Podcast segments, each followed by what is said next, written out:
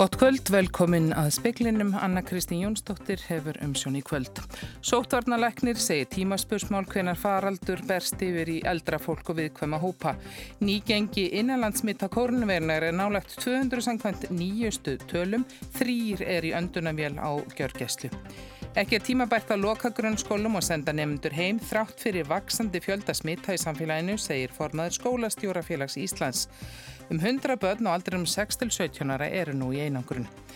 Bandargeforsti ætlar ekki að eida tíma sín í rafrænar kappræður við fórsetta efni demokrata og í ofinbæra geranum fjölgaði starfsmönnum á sama tíma og launamennu fækkaði flestum atvinnugreinum í ferðarþjónustinu fengu tæplega 15.000 færri greið laun í ágúst en á sama tíma í fyrra. Littlu munar nú á nýgengi smita hér á landi og í Breitlandi. Þetta sínir samantekt sóttvarna stofnunar Evrópu. Á Íslandi er nýgengi smita það sjönda mest. Smit kom upp í rannsóknardelt lauruglunar á höfuborgarsæðinu, tveir eru í einangrun og 23 í úrvinnslu sóttkví. Nýgengi innanlandsmita hér á landi er 198,8 samkvæmt nýjustu tölum á COVID.is. Mest var það í byrjun april þegar það var 267.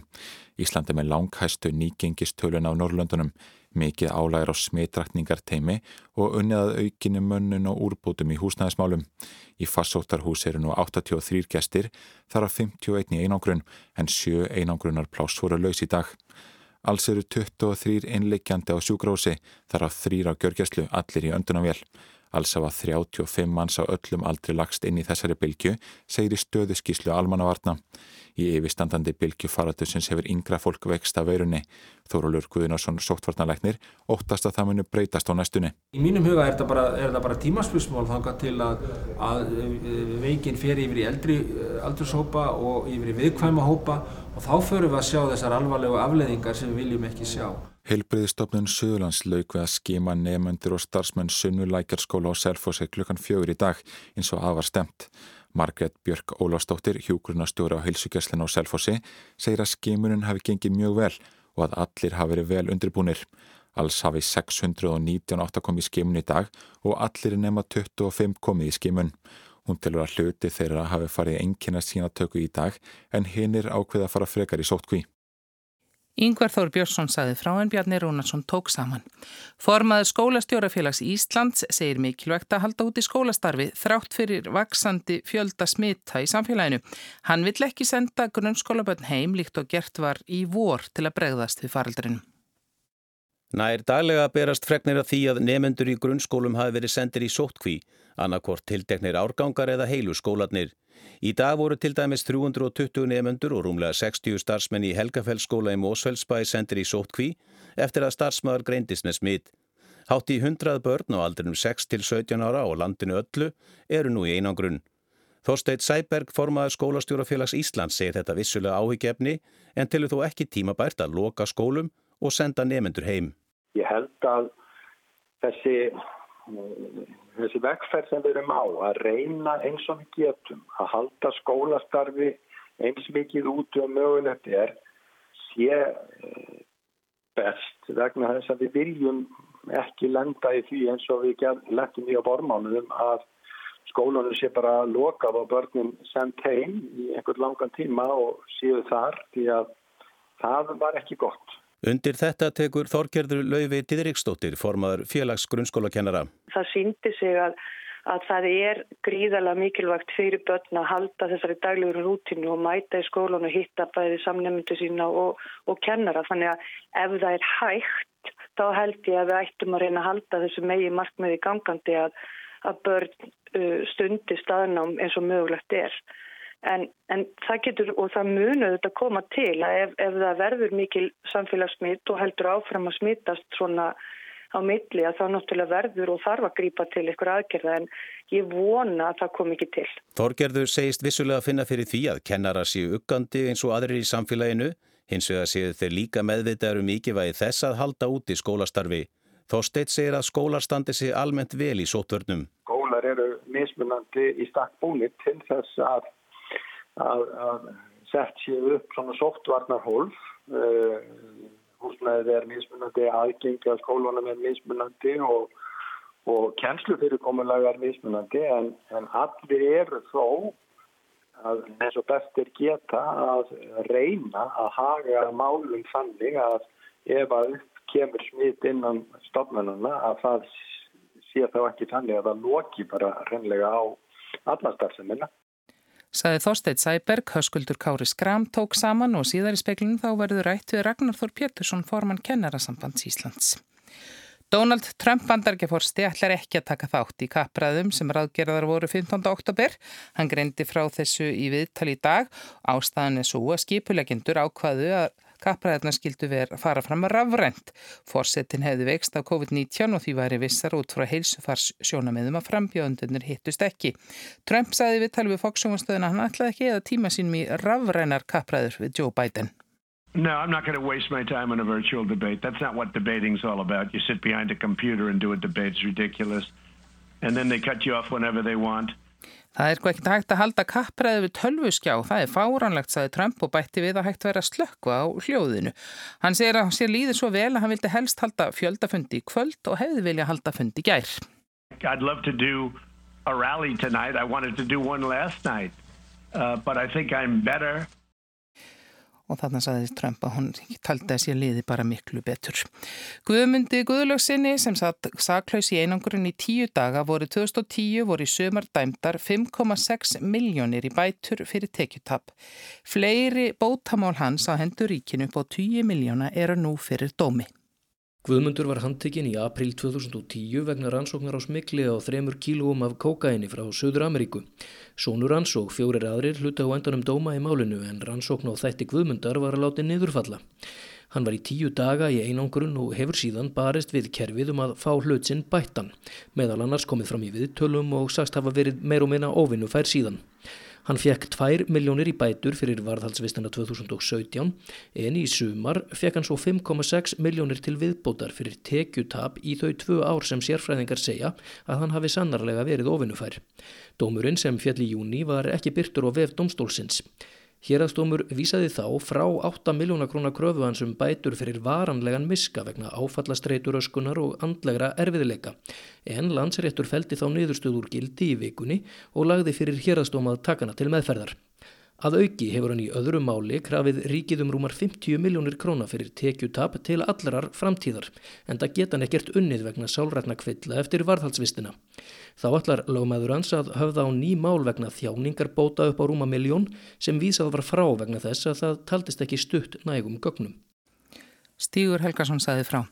Sigmundur Daví Gunnlaugsson formaði miðflokksins segist hafa komið að fjöllum með það að nafn hans sé að finna á umdeildum undirskriftalist á netinu þar sem ráðamennum allan heim eru kvartir til að hverfa frá hörðum aðgerðum til að hefta útbreðslu kórnverunar.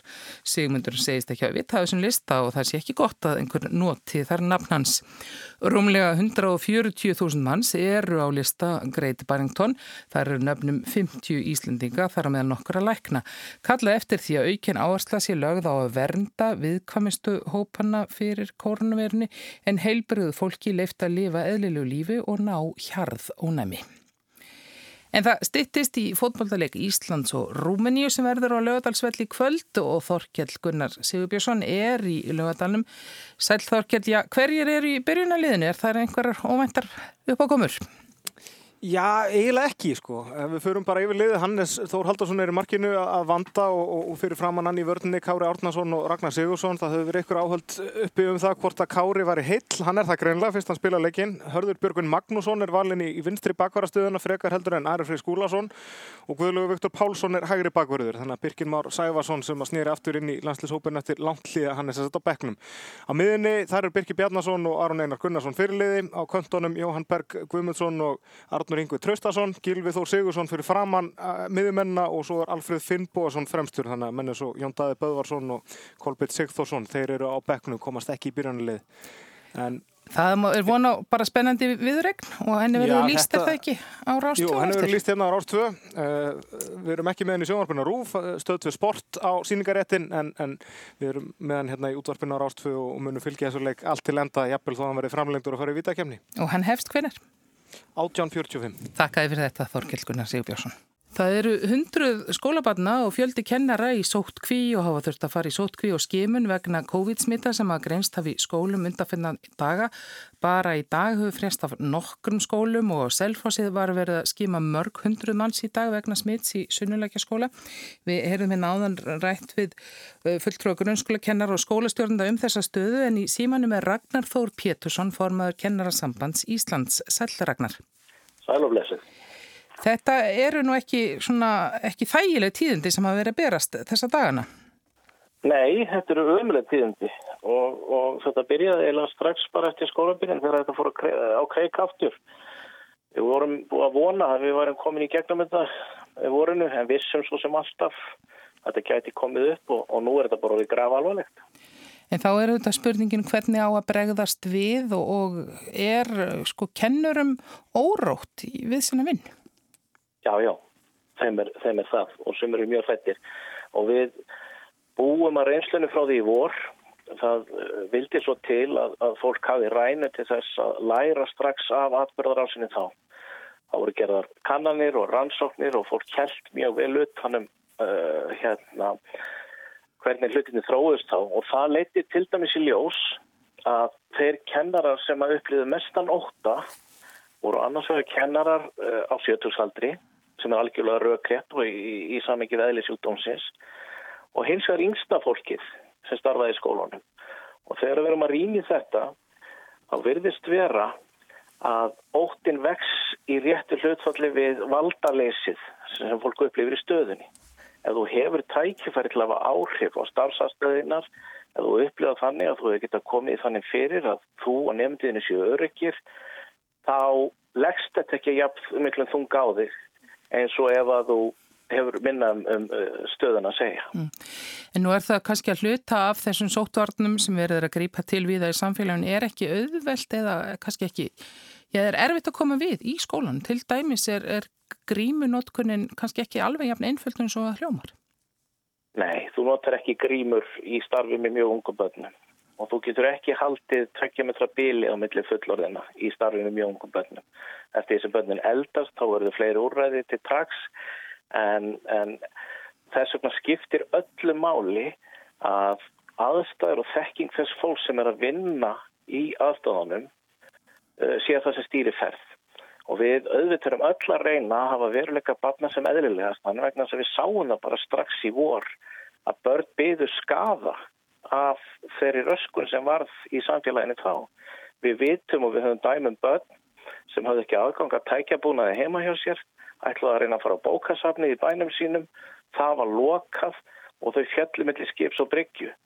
Við höfum dæmum framhaldsskólan nefnendur sem að duttu út og skiluðu sér ekki aftur í nám og þetta er alltaf gerast aftur með einhverjum hætti núna og skadin er verulegur og eina sem við getum gert er að læra þeim sem er að gera þetta best og þess vegna erum við núna að, að undirbúa könnun meðal skóla, þar sé öllum skólastegum og öllum skólagerðum til við getum lært hvað er að virka innan þess ramma sem við störum eftir, hvað virkar ekki, dreifum úr því sem virkar vel og draugum úr því sem að virkar ekki.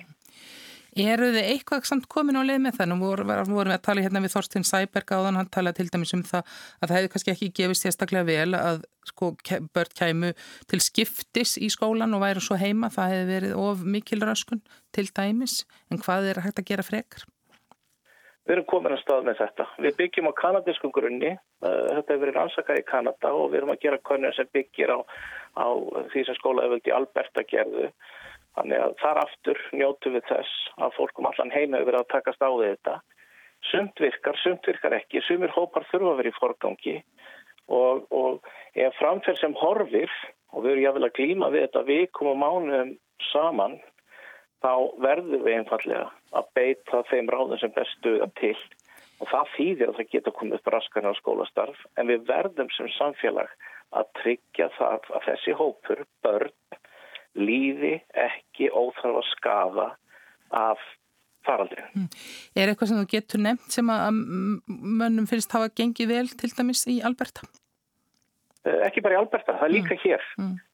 Til dæmis það sem er skipleika starfið þar að ef það kemur upp grunum smitt eða smitt að það detti út stórar einingar Ég var í viðtali hjá okkur á Rúf þegar þetta var að byrja og, og nefndi það að áhættan sem við tökum með því að hafa skólastarfið innan gæðsalappa eðlilegt er að við getum mist út heila skóla í einu ef eitthvað kemur upp á og það hefur verið að gerast í einstaklega skólum. Já, við höfum sjáð það, sjáum það til dæmis núna bara þessa dagana en, en líka að sömstaðar hafa menn, hefur menn gengið betur að skipta upp en það, það ráða kannski líka bara aðstæður í skólanum sjálfum einhver. Aðstæður, starfsættir og, og hvað fyrirmæli berast. Uh, sumir eru miklir einirkjar í því hvernig þeir aðlæga starfið að, að, að, hérna, aðstæðum. Aðri njóta betri stuðnings. Við þurfum bara sjá til þess að allir hafi bestu möglu aðstæður og að allir kennarar upplifið sig valda mikla í þeim aðstæðum sem þeir eru og geti grepið til þeirra aðgerð sem þarf til til að nefndu þeir og þeir séu öryggir í starfi. Nú voru grunnskóla kennarar að skrifa í gerðkvöld undir nýjan kjærasamning eh, og sá samningu verið borin undir atkvæð og niður stað á líka fyrir 2003. oktober. Eh, það hefur verið tekið til þess að það sé eitthvað verið að reyna auka sveianleika því að kennarasamningar hafa nú lengur verið mjög flóknir og menn svona niður njörfaður í því hvað á að gera og hvar.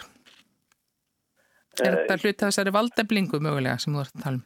Já, getur verið það, ef við nýta tækifærið. En við sjáum það þetta bara að allt samfélagið hefur verið að tilenga sér sveigleika á þessu ári, löngu tíma bara sveigleika.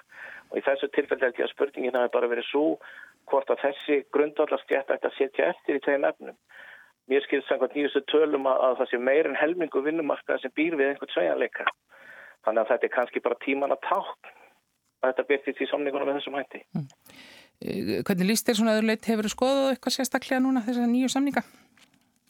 Ég hef bara heilt það sem að mér hefur verið sagt og, og hérna þetta lítur út fyrir að vera samið og svipjum grunni og grunnskólinn hafði bóðið sveitafélagunum daginn áður að þau vísuð til sátta. Þannig að þetta svona, eh, þetta verist vera eftir þeirri uppskrift. En þeir eru ekki einir, þá eftir að semja við tónlistaskólakennara og stjórnendu þar og nú er menn að drífa sig í því og svo losna samlingar hjá framhanskólakennurum um áramót og það þarf líka að drífa það Og það hefur nú ekki gengið alltaf þrautalust. Það er nú bara þannig að fólkið sem hefur svona haldið samfélagin okkar í gangi í gegnum þessa hörmungar er fólkið sem hefur þurft að hafa mest fyrir því að búa við réttlátt kjör og sangjarnar aðstæður og það er okkur umhugsunar efni og að vera það áfram löngu eftir þessum farandi líkur. Þakkaði fyrir þetta Ragnar Þór Pétursson, formaður kennarsambands Íslands.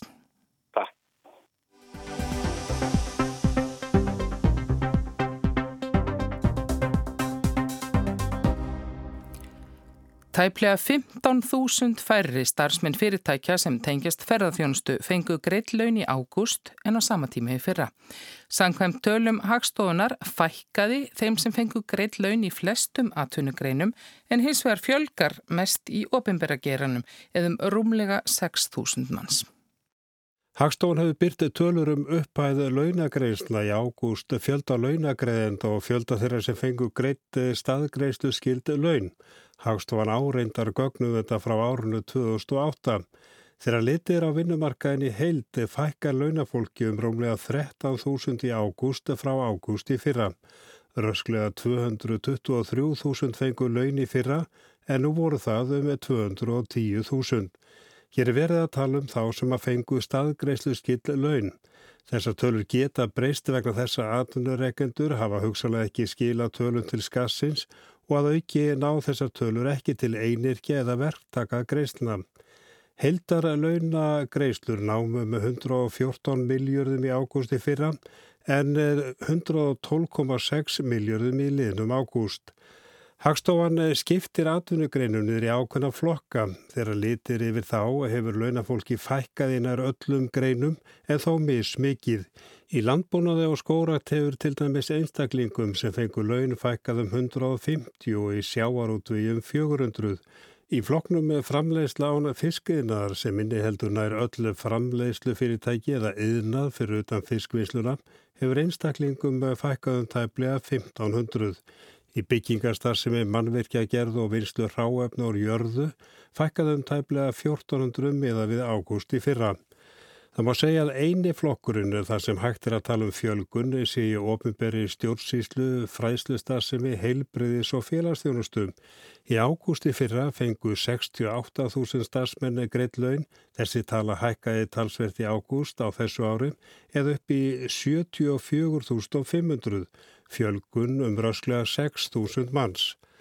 Það kemur ekki á óvart þegar litir á starfsgrunna sem tengjast ferðarþjónustunum að þar hefur hallað undan fæti. Samtals hefur starfsmönum gististað á veitingastað að fækkað um tæplega 6.400 eða úr rösklega 19.000 í tæplega 13.000. Fækkunin nefur 33% eða þriðjungi. Fækkunin er 46% á gististöðum og 23% í veitingageranum. Launagreðendum í þessum flokki hefur fækkað um tæplega 250. Þá er sérstakur flokku sem næri verið ferðaskrifstöður og skipulækjendur ferða. Þar hefur fækkunin orðið 48% eða næri helmingur með við ágúst í fyrra. Launagreðendum í þessum flokki fækkar um 170, voru yfir 600 í fyrra. Í floknum sem kallast einkennandi fyrir ferðarþjónustuna hefur fækkað um rösklega 11.000 launamenn úr yfir 31.000 neyri rúmlega 10.000. Undir þennan flokk heyrir ímiskona starfsemi sem tengist ferðarþjónustum, svo sem millilandaflug, innanlandsflug, krár og kaffihús, bílalegur og tjálsvæði, svo einhvað sé nefn. Launagreðendum fækkar um tæplega 500 voru yfir 2200 í ágúst í fyrra. Kristín Arnórsdóttir er sérfæraðingur á Hagstóni hefur unni við þessa tölfræði en telur hún að þessa tölur varpi ljósi á ástandi af vinnumarkaði eins og það er núna. Já, þær eru góðar til að sjá hvar breytingin er að gerast að við erum, sagt, við erum með niðurbrotnir og atvinnugreinar og við sjáum að mesta breytingin er í til dæmis einkendi greinum ferðarþjónustunar og, og gisti heimilum, gististöðum og í veitingahúsagerðinum. Já, það er visslega varpa ljósa á hvar breytingarnar eiga stað. En það má segja sko það er lítið, það fækkar kannski í flestum atvinnugreinum en það er kannski einn sem sker sig úr og það er ofinberi stjórnsýsla fræðstösta sem er heilbriðis og félagsstjónusta. Þar fjölgar talsvert. Er skýringu því? Hluta skýringun er vantilega aukin umsef heilbreyðskerfisins. Þannig að það eru fleiri starfsmenn sem að að sjá um skemanir og allt sem tengist heimsvaldinum. Það er hluta skýringunni. En þegar maður lítur á heildar launagreyslunar þá kannski er það, er þess nokkuð svipað tölur, hefði kannski mátt búast við að þessa tölur lækuðu meira. Hefur skýring á því? Uh, Launagreislur. Já, stöð, uh, ekki stöðugildum heldur fjölda móttakanda eða fjölda einstaklingar sem fá greitt laun er að fækka en launagreislur lækka ekki takt við fækkunna og við teljum að hlutaskýringunni sé svo að þeir sem að mistu starfsveit í april er að fá svo sagt greitt uppgjör akkurat núna í júli og ágúst og einni því eru uppgjör á orlofi og öðrum slíkum greiðslum. Þannig að það útskýrið að hluta til hvers vegna laun lækka ekki í samantækt og einstaklingum fælkar. Saði Kristín Arnórsdóttir, sérfræðingur á hagstofinni, Arnar Páll Haugsson tók saman.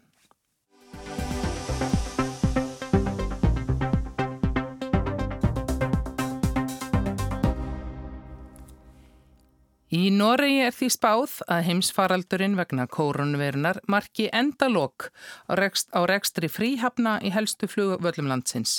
Fólk fái aldrei aftur að kaupa áfengi á niðursettu verði eftir að stígur út úr millilandaflugvilum. Gísli Kristjánsson útskýrir málið. Fyrst sáum enn að með kórunveirunni hurfunar allar tekjur ríkisins af rekstri fríhafna á millilandaflugvöllum landsins. Einn besta tekjurinn Davinúr, sem gegnir sama hlutverki og Ísafi á Íslandi, þornaði skindilega upp með takmörkunum á utanlandsferðum fólks í mars í vor. 90% af umferðinni kvarf á einum degi og þar með farþegarnir sem venjulega staldra við í fríhöfninni og kaupa vöru á nýðursöttu verði. Mest af þessu skattfrjálst áfengi. En nú koma sára fáir farþegar í fríhafnirnar og sára fáar flöskur seljast. Þetta er auðvitað áfall fyrir ríkið því hagnaðurna rekstri fríhafna á fjórum stærstu flugvöllunum dugði til að reka alla aðra 39 flugvelli landsins. Núna þarf að finna nýja peninga til að halda uppi flugi innanlands þar til ferðir til útlanda hefjast að fullum kraft á ný og áfengið fyrir að fljóta út úr fríhöfnunum eins og var fyrir daga veirunar. En svo fóru að heyra strattir vantrúaðra. Virtur hagfræðingur að nafni Harald Magnús Andreasen byrjaði á að fullirða að allur þessi útreikningur var á miskilningi byggður. Hann sagði að ríkið græti ekkert á fríhöfnunum, tapaði bara peningum á rekstri þar og að kostnaðurinn við að reka 39 flugvelli innanlands væri greitur af fólki sem bara setur heima og kaupir aldrei flösku í fríhöfn. Rökin eru þau að ríkið tapi miklu meira á fríhöfnunum en það græði. Tapað er áfengiskattar af sölu í vínbúðum innanlands nema vist tvöföldum hagnaði af fríhöfnunum. Til þess að vega upp á móti þessu verða ríkið að auka aðra rálögur og fólk. Þeir sem græða á fríhöfnunum sé fólk sem ferðast mikið og þeir sem tapa á rekstrinum þar er fólk sem ferðast sjaldan eða aldrei. Í raun séu þeir fátækustu, látni niður greiða áfengi ofan í flugríkt fólk. Þetta vil eitt til efasemt um að fríhafnir eigi framtíð fyrir sér eftir að koronafaraldrinum líkur hvenna sem það verður. Nú þegar verður ríkið að fjármagnar ekstur litlu flugvallana með öðrum peningum og þá hverfur líka þörfin fyrir að nota hagnaðina fríhöfnunum. Þetta gerist á sama tíma á sala og áfengi í engasölum ríkisins, vínmonopólit, fyrir vaksandi og meira fæst inn af áfengisköttum. Eina varanlegum afleðingum koronaveirunar getur því orðið svo að rekstri fríhafna á flugöllum verði hætt vegna þess að þær skilir ríkinu engum raunvörlugum hagnaði. Ríkið hefur mestan hag af að selja áfengi í eigin búðum með fullum sköttum. Koronaveiran hefur líka í raun myndað eins konar tollmúr við landamærin til svíþjóðar. Þetta á bæði við um almenna matvöru og áfengi. Sala hefur meira en tvöfaldast í nokkrum norskum áfengiskútsölum næri landamærunum eftir að veiran fór á stjá og matvöru kaupminn græð á tá og fingri. Vestlun innanlands hefur aukist umtalsvert eftir að heimsfaraldurinn skall á og tekjur ríkisins af sköttum og álögum hafa aukist. Vandin er svo að finna út hvernig að viðhalda þessum vestlunagróða í landinu þegar landamæri hafa verið opnuða nýju. Eitt er að hætta alveg að bjóða fólki að kaupa áfengi skattfrjálst á flugöllum. Ríkið græði meira á því að selja fólkinu drópan á fullu verði innanlands. Og það verður vaksandi norðan og norðvestanátt 5-13 metrar á sekundi í kvöld en 13-18 í vindstrengjum á Suðausturlandi og Austfjörðum á morgun. Ryggning norðan og Austanlands en slitta eða snjókoma til fjalla. Svo léttir til um landið sunnan og vestanvert og þar verður létt skíðað á morgun. Hiti 2-10 steg á morgun og hlýjast á Suðausturlandi. Það var helst í speklinum að sótvarnalæknir segð það tímaspursmál hvenar kórunu veru faraldurinn berst yfir í eldra fólk og viðkvæma hópa. Þrýr eru í öndunarvél á gjörgjastlu með COVID-19.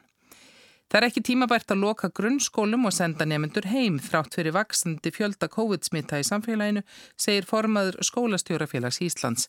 Hátt í 100 börn og aldrinum 6-17 ára eru nú í einangurinn. Donald Trump bandaríkjaforsti segist ekki alltaf eigða tíma sínum í rafrænar kappræður við Joe Biden, forsetæfnin demokrata. Kappræður eigi menn ekki við tölvuskjá. Það kemur Sigmundi Davíð Gunnlaugsinni formanni miðflokksins á óvart að nafn hans er að finna á umdeildum undirskriftalist á netinu þar sem ráðamennum allan heim eru kvartir til að hverfa frá hörðum aðgerðum til að hefta útbreyðslu kórunveirunar. Sigmundu Davíð segist ekki að vita þessum lista og það sé ekki gott að einhver noti þar nafn hans. En fleira er ekki í speiklinum í kvöld. Tæknimaður í útsendingu var Magnús Þorsteit Magnússon. Veriði sæl.